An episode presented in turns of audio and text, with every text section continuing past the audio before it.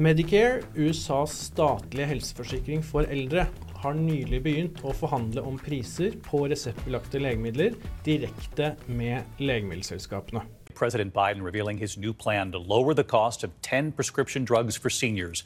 For the first time, the federal government is prepared to negotiate with pharmaceutical companies over the price of some very popular drugs under Medicare. The president says it will mean lower healthcare costs for millions of Americans. Today is the start of a new deal for patients where Big Pharma doesn't just get a blank check at your expense.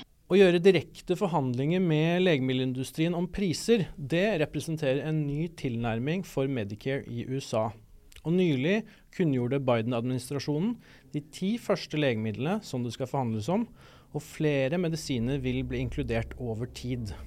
Målet er nå å realisere årlige besparelser på 25 milliarder dollar for Medicare fra 2031. Lovendringen den møter motstand fra legemiddelselskapene, som karakteriserer den nye ordningen som et prisdiktat. Og flere selskaper har nå valgt å ta saken til retten, og forbereder seg nå på en langvarig juridisk kamp. Men hvor stor innvirkning vil de amerikanske endringene få, og vil det få konsekvenser for Norge?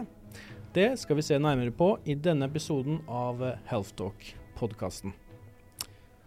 Det står om eh, milliarder av dollar. Eh, for det første kan den amerikanske staten spare milliarder, og de eldre som er med i Medicare-programmet, kan også spare store summer i eh, det at de får lavere egenbetaling for denne helseforsikringen, og eh, ikke minst at de, de får lavere co-payments, altså egenandel for betaling av legemidler, som er ganske høy til tider i USA.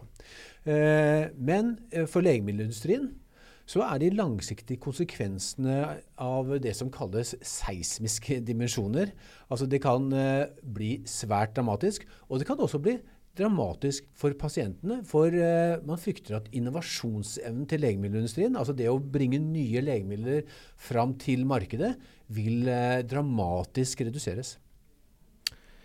Før vi går eh, nærmere inn på de endringene som skjer nå, så kan det jo være greit for uh, leserne våre å få litt bakgrunnen hans. Mm. Uh, Medicare, som da er denne forsikringsordningen for de eldre i USA, uh, ble startet opp i 1965. Mm. Men i flere tiår så inkluderte den da ikke legemidler som uh, brukes utenfor uh, sykehuset. Mm. Det endra seg da i 2003 uh, under daværende president George W. Bush. Mm. Det loven da ikke inneholdt, det var muligheten for Medicare eh, til å forhandle direkte med legemiddelselskapene om priser på legemidler, eh, slik som private eh, forsikringsselskaper kan, kan, gjøre i USA. Eh, årsaken den gangen var at republikanerne de kontrollerte Kongressen, eh, og i tillegg eh, så var det sterk påvirkning fra lobbyistene til legemiddelindustrien. Mm. og siden den gangen så har det gjort Eh, blitt gjort mange forsøk på å åpne for prisforhandlinger. Eh, Bl.a. så har både tidligere president Barack Obama og Donald Trump ønsket uh, slike forhandlinger. And the other thing we have to do is create new bidding procedures for the drug industry because uh, they're getting away with murder. Uh, pharma, pharma has a lot of lobbies, a lot of lobbyists, and a lot of power, and there's very little bidding on drugs. We're the largest buyer of drugs in the world, and yet we don't bid properly. And we're going to start bidding, and we're going to save billions of dollars over a period of time. Ja, øh, og kjernen i, øh, dette ønsket det er jo at øh, studier viser at USA, altså USAs regjering da, eller myndigheter betaler to og en halv ganger mer for de samme legemidlene i USA gjennom Medicare enn eh, det som eh, f.eks. den norske staten, den svenske, den franske eh, betaler for de samme legemidlene her i Europa. Så, så det er USA er et land hvor som du sier, Legemiddelsynd eh, har ikke vært utsatt for forhandlinger innenfor Medicare-programmet inntil nå. og Det har selvfølgelig gjort at de, de selv kan sette de prisene de ønsker. Og det har jo ikke skjedd uh, så mye rundt dette. Det har vært mye snakk, men nå har det skjedd uh, praktiske ting. Hans, uh, hva er det som har skjedd nå? Ja, Nå har Biden-administrasjonen som en del av det som kalles Inflation Reduction Act, altså den, jeg tror de fleste har hørt om den, det er jo et, en, et lovforslag som tar sikte på bl.a. å innføre en, eh, grønn eh, energi og omstille det amerikanske samfunnet til, til grønne skiftet, men som også inneholder da dette viktige poenget med at nå skal Medicare få lov til å forhandle med legemiddelindustrien. Uh, og det, dette er jo da en konkret liste på ja. ti medisiner hans uh, som kommer til å da være sentrale i dette arbeidet nå framover. Uh, kan ikke du ta oss litt gjennom lista? Jo, jeg skal ta de viktigste medisinene, for jeg tror det er viktig for de som hører på. for jeg tror mange vil kjenne igjen dette. den den første legemiddelet er Eliquis. Det er et, eh, et, legemiddel for å forebygge slag og blodpropp som utvikles av BMS og Pfizer. Det er eh, Norges eh, sist gang vi sjekket, Norges nest største legemiddel. Så det er også et, et legemiddel som veldig mange bruker i Norge. Så har du også et annet legemiddel for det samme, Sarelto, som er utviklet av Johnson Johnson. Så er det interessant nok Jardians uh, og Forxiga. Begge de to er såkalte SGLT2-legemidler som, uh, som, har indikasjon for diabetes, hjertesvikt og Forxiga også for kronisk nyresykdom. Store blockbuster-medisiner. Kjempe, kjempestore medisiner som brukes av veldig mange. Januvia uh, fra Merck på diabetes, Entresto for Novartis, som er det eneste legemiddelet i sitt slag i hele verden uh, på dette. Du har Enbrel, som vi kjenner veldig godt fra Norge også. Rauma. Rauma, Revmatisme, helt riktig. Uh, Imbruvica, som er det eneste blodkreftlegemiddelet foreløpig, fra Abby og Johnson Johnson. Uh, og så har du Stellara, uh, også et uh, for antiimmunsykdom, altså for Crohns sykdom. Og så har du Novolog, som er et insulinprodukt fra, fra Novo Nordisk. Dette er de ti legemidlene som nå først skal startes forhandling med, men planen er det kommer veldig mange flere. Uh, hvorfor har Biden-administrasjonen valgt ut nettopp disse ti medisinene? Ja, det er, det er, flere grunner til. De, de er, for det første er det de som uh, uh, har de, de, høyeste Medicare-utgiftene. og så har det også vært et poeng at legemiddelindustrien skal få lov til å hente inn eh, en eh, god fortjeneste på legemidler før de ble, nå ble utsatt for måte, priskonkurranse. Så, så, disse legemidlene har vært på markedet i flere år. Uh, og de har ennå, men de har ennå ikke fått det som heter generisk konkurranse. Så det er viktig å ta det i legemidlene noen år, men ikke for mange år, for da går de rett over i, i generika. Så da jo, måte, går prisen ned uansett. Uh, så, så, så, det har vært uh, kriteriene for, for Biden-administrasjonen å styre med. Og så sier de, at, som jeg nevnte, at det, det kommer flere medisiner som også da skal prisforhandles på i årene som kommer. Eh, så, så, det vi ser, ser dette her, det, det, spenner av fra svært dyre medisiner til ganske rimelige medisiner som, som brukes av veldig mange. Hvor store vi, forskjeller snakker vi her? Ja, du kan si I USA, som, hvor alt er veldig dyrt på legemidler, eh, to, ganger, to og en halv ganger, så er La oss si Imbruvica, da, som er blodkreftmedisin, eh, som brukes av 20 000 under Medicare. De har, den har en listepris på 17 000 dollar eh, i uh, måneden. Nærmere 200 000 ja, kroner. Så her snakker vi om et par millioner kroner per pasient per år. Uh, for da 20 000. Og mens blodfortynneren Eliquis, som tas av 3,7 millioner amerikanere på, på, dette programmet, og har en månedlig listepris på 600 dollar. Så her kommer det til å bli voldsomme kutt i inntekter for legemiddelindustrien det, det, skjer jo endringer nå. og for, for, eh, for, oss her i lille Norge så mm. kan det jo være vanskelig å forstå at dette her har noe særlig med oss å gjøre. Mm. Men uh, du har jo sett litt på hva mm. som kan være konsekvensene her, uh, Hans. og og, og, det du sier er at her er det konsekvenser både på kort sikt, men kanskje spesielt på lang sikt. Kan mm. ikke du ta oss litt inn i det? Jo, kan, kan du si, si, litt om hva, hva de amerikanske konsekvenser for amerikansk legemiddelindustri? Og, og, det er klart dette er jo en global industri. så når dette får konsekventer for Pfizer og Novartis og Johnson Johnson og andre i USA, så uh, er det noe som heter når det regner på pressen, så drypper det også på klokkeren. Og det kommer helt åpenbart til å få konsekvenser i Norge. Men la oss aller først ta det som skjer for uh, hva som skjer i uh, USA. Så det avhenger jo litt av om denne ordningen blir utvidet, at mer enn ti legemidler kommer på. Det tror jeg, og, og, veldig mange med meg, tror vi kommer til å endre veldig mye på hvordan eh, skal vi si, forretningsmodellen til eh, de amerikanske legemiddelselskapene kommer til å være. For det, dette her påvirker jo inntektsmodellen. De har jo nå hatt eh, komfortable priser, for å si det sånn. Og, og, hele forretningsindustriens, eller for, legemiddelindustriens modell det er at i USA så skal de tjene veldig godt. Mens i Europa og resten av verden hvor det er prisforhandlinger, der skal inntektene være ganske moderate. Eh, så, så de har vært avhengig av uh, inntektene i USA og de høye prisene? Det det er, helt riktig. Så du kan si man kryssubsidierer legemidler i Europa. Eh, hvor typisk eh, norske priser ligger 40-50% under det som prisen er i USA. Det er jo ganske betydelig, betydelig forskjell. Uh, men du har jo også, du har også sett litt på, mer på lang sikt hvordan dette kan påvirke utenfor de amerikanske grensene. Ja. Um, du sier jo også at dette kan ha enorm effekt også for norske pasienter og, og, norske myndigheter. Hva legger du i det? Jo, altså, Det er to ting kanskje vi, vi primært bør se på. For det ene er jo at Eh, norske myndigheter, europeiske myndigheter, kommer til å se til hva som nå skjer med dette Medicare-programmet. Fordi at i Norge, bare for å ta det helt fra, fra grunnleggende, i Norge så har vi to typer legemidler. Eh, og som er refundert på litt forskjellig måte. Det ene er sykehuslegemidlene, som godkjennes gjennom nye metoder og, og til syvende og sist Beslutningsforum. Der er det jo, som vi vet, betydelig grad av, av forhandlinger. Og, og, og, Beslutningsforum sier åpent ut at de får gjennomsnittlig 40% rabatt.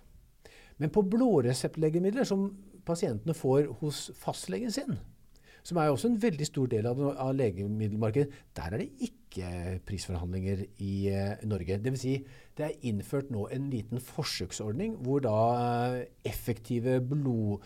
Uh, altså hjerte-kar-legemidler nå er, er, utsatt for konkurranse. Det startet i 1.1, men enn så lenge så er så ser vi at USA går mye, mye lengre eh, på denne type eh, det som de kaller outpatient-behandling, eh, enn det som norske politikere og, og embetsverk gjør.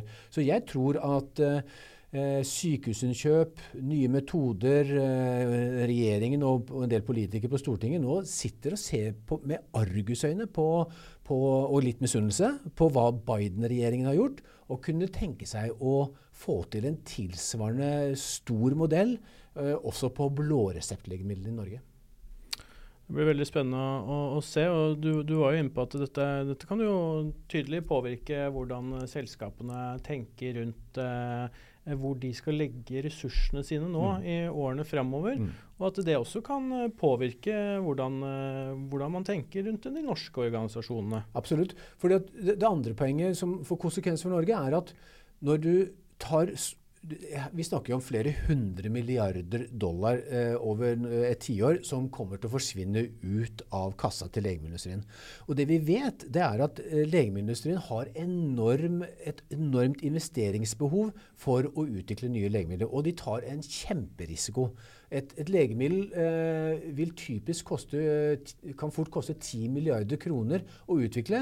Eh, og det er en rekke av disse legemidlene som ikke når frem til markedet fordi de ikke har effekt, eller at de ikke, ikke liksom, eh, når endepunktene i, i, studien. Så alt annet likt så vil lavere inntekter for legemiddelindustrien gjøre at de må fokusere mer på innovasjon som de har tro på, ikke kan ta så stor investeringsrisiko som vi har sett de har gjort til nå. Og det kommer helt åpenbart til å få konsekvenser for eh, hvilke legemidler som blir tilgjengelige for folk, om, ikke om ett og to år, men om fem og ti og 15 år. Eh, på bakgrunn av mye av det vi har sagt nå, så har jo legemiddelindustrien i USA gjort det ganske tydelig at de nå ikke er fornøyd eh, med mye av de endringene som skjer.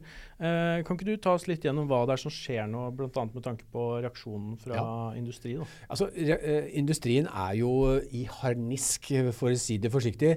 Eh, Pharma, eh, som er da bransje, altså legemiddelindustrien, altså LMIs eh, motsvar i USA, som organiserer disse, de, de har eh, beskrevet dette som en eksistensiell eh, trussel. Eh, og, og, om de får rett, avhenger jo selvfølgelig av om den, disse, denne tipunktslisten blir dramatisk utvidet, hvilket det er grunn til å tro at den gjør.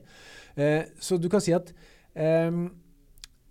Legemiddelindustrien, eh, en rekke firmaer og også bransjeorganisasjonen har nå gått til rettssak mot den amerikanske staten for å få stoppet den, den, denne loven.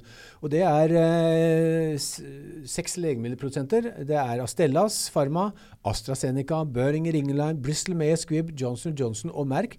Alle de har saksøkt nå Biden-administrasjonen i forsøk på å blokkere eh, dette, denne forhandlingsprogrammet som nå skal eh, starte. Og, og det er da, dette er USA, så der er, brukes det juridiske apparatet ganske flittig i, i mange henseende. Så fremdeles så, så, henger dette i en tynn tråd. Men de aller fleste vil, vil eh, som, som eh, av kommentatorer tror at Biden-administrasjonen eh, kommer til å få medhold i rettsapparatet, slik at eh, disse prisforhandlingene eh, kommer til å bli satt ut i livet. Ja, hans eh, Legemiddelindustrien er jo kjent for å Når det går bra, så går det jo virkelig bra. Mm. De, disse store selskapene leverer jo eh, milliarder av kroner i, i både omsetning og, og overskudd. Mm. Eh, bør ikke de kunne tåle at de møter litt tøffere forhandlinger nå? Hva, hva, tenker du om det? Du kan si at det store bildet for Biden-administrasjonen det er at de trenger å spare penger. Eh, de skal bruke mer penger på forsvar. De skal ha mer penger på grønn energi. Investere i, eh, i, eh, batteriproduksjon og vindmøller og, og, konvertere hele det amerikanske samfunnet til mer bærekraftig retning. Og de sitter faktisk også og forbereder seg på en mulig krig med Kina. Så det er klart at det store bildet er at USA trenger å, å, spare penger. Og da er det selvfølgelig fristende å, å gå løs på en industri som uh, har en mye høyere pris i USA enn i resten av verden. Ulempen er imidlertid, som jeg nevnte, at dette vil uh, mest sannsynlig kunne hemme innovasjonen, slik at de legemidlene som pasientene skal ha, uh, og, den, og, den, utviklingen vi kunne sett, oss, sett, foran oss, den er ikke så sikker på kommer. Men det er, det er, mye som kan skje. Industrien er svært innovativ. Og hvordan f.eks. De tar i bruk kunstig intelligens i utvikling av medisiner.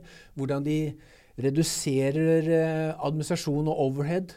Eh, det blir veldig interessant. Og kan jo, vi kan jo kanskje kaste inn en liten brannfakkel og si at det kommer nok til å bety at de amerikanske legemiddelselskapene eh, de kommer til å se på kontorene sine i Europa, ikke minst hvordan, og Norge selvfølgelig der, der, for å se om de kan redusere kostnadene til driften i, i, i kontorene de har i disse landene. Og spesielt uh, mange av selskapenes uh, tilstedeværelse i Norge er jo basert på salg, markedsføring.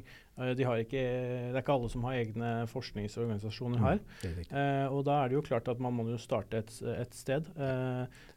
vi sier jo ikke at det blir sånn, men, men, det er jo absolutt mulig å tenke at dette kan, kan, påvirke her i Norge også, med tanke på industriens tilstedeværelse. Mm. Det blir veldig veldig spennende å se hvordan, hvordan, dette kommer til å gå i fremtiden. siste sak sak er definitivt ikke sagt. Rettssaker eh, har en tendens til å ta et uventet eh, retning. Eh, så, vi, så, det er mange som følger dette med nå. Det kan bli også spennende fremover å se hva norsk industri tenker om, uh, om, denne utviklingen Absolutt. og hva, hva, som skjer der. Absolutt. Uh, er det noe på siste på tampen du tenker det er viktig å legge til her, eller skal vi gå videre? Jeg tror vi kan gå videre. Det har kanskje vært nok amerikansk legemiddelpolitikk, ja. men som også får konsekvens for norsk legemiddelpolitikk. Vi kan jo bare nevne helt på tampen at hvis du vil se litt mer og diskusjoner om dette, mm. så var jo Inflation Reduction Act et eget tema for møtet på Arendalsuka. Eh, i regi av bl.a. Eh, Oslo Cancer Cluster. Mm. Eh, så om du ønsker å se litt mer om, om, det, så kan du finne opptak fra det møtet på Facebook-sidene til Oslo Cancer Cluster. Mm. Um, Uh, helt på slutten, Hans. Uh, vi jobber med noe spennende mm. uh, som kommer til neste uke. Kan ja. ikke du gi en liten teaser til ja, lytterne? Jeg tror det kan være vel grunn til å, å slå på sidene til Heltok fra mandag. Vi har jobbet i lengre tid med en større sak om privat helseforsikring, og deriblant privat eh, kreftbehandling? Det, det, stemmer. Vi har uh, gjort uh, flere intervjuer uh, med både pasienter behandlere, eh, forsikringsselskaper og andre aktører innen privat helse og privat helseforsikring. Eh, et område som har fått en voldsom oppsving, Ja. noe som man vil kunne lese mer om til uka. Hvor, og, og disse sakene kommer jo nå midt i en tid med, med valg. Eh, nå, Uh, En tid hvor politikk uh, står i høysetet. Og det kan bli Ja. spennende å se hva bl.a. politikerne tenker om det her. Absolutt. Og en situasjon hvor regjeringen og en, en rekke kommuner, særlig de røde kommunene, de har, vært, de har kuttet og fjernet private helsetilbud. Men som Lars, som vi ser, ikke minst innen kreftbehandling, så vokser det private tilbudet nå kraftig i, i Norge. Og det blir interessant å høre hvordan øh, politikere reagerer på det. Og vi gir også innsikt i, i hva de ulike selskapene tilbyr. Og er det forskjeller, eller er det ikke forskjeller? Ja, helseforsikring er en big business. Eh, 700, 800 eller 750 000 nordmenn er forsikret. De fleste gjennom eh, jobben sin. Eh, og det eh, Uten å røpe altfor mye, det er veldig stor forskjell mellom eh, forsikringsselskapene i hva de dekker av eh, kreftbehandling. Men vi skal ikke gi fra oss altfor mye mer nå. Eh, Dette kan du i hvert fall lese om på healthtalk.no fra neste uke. Vi kommer til å komme med flere saker på, på dette temaet. Mm. Men vi sier takk for oss nå, og så snakkes vi neste uke. På gjenhør.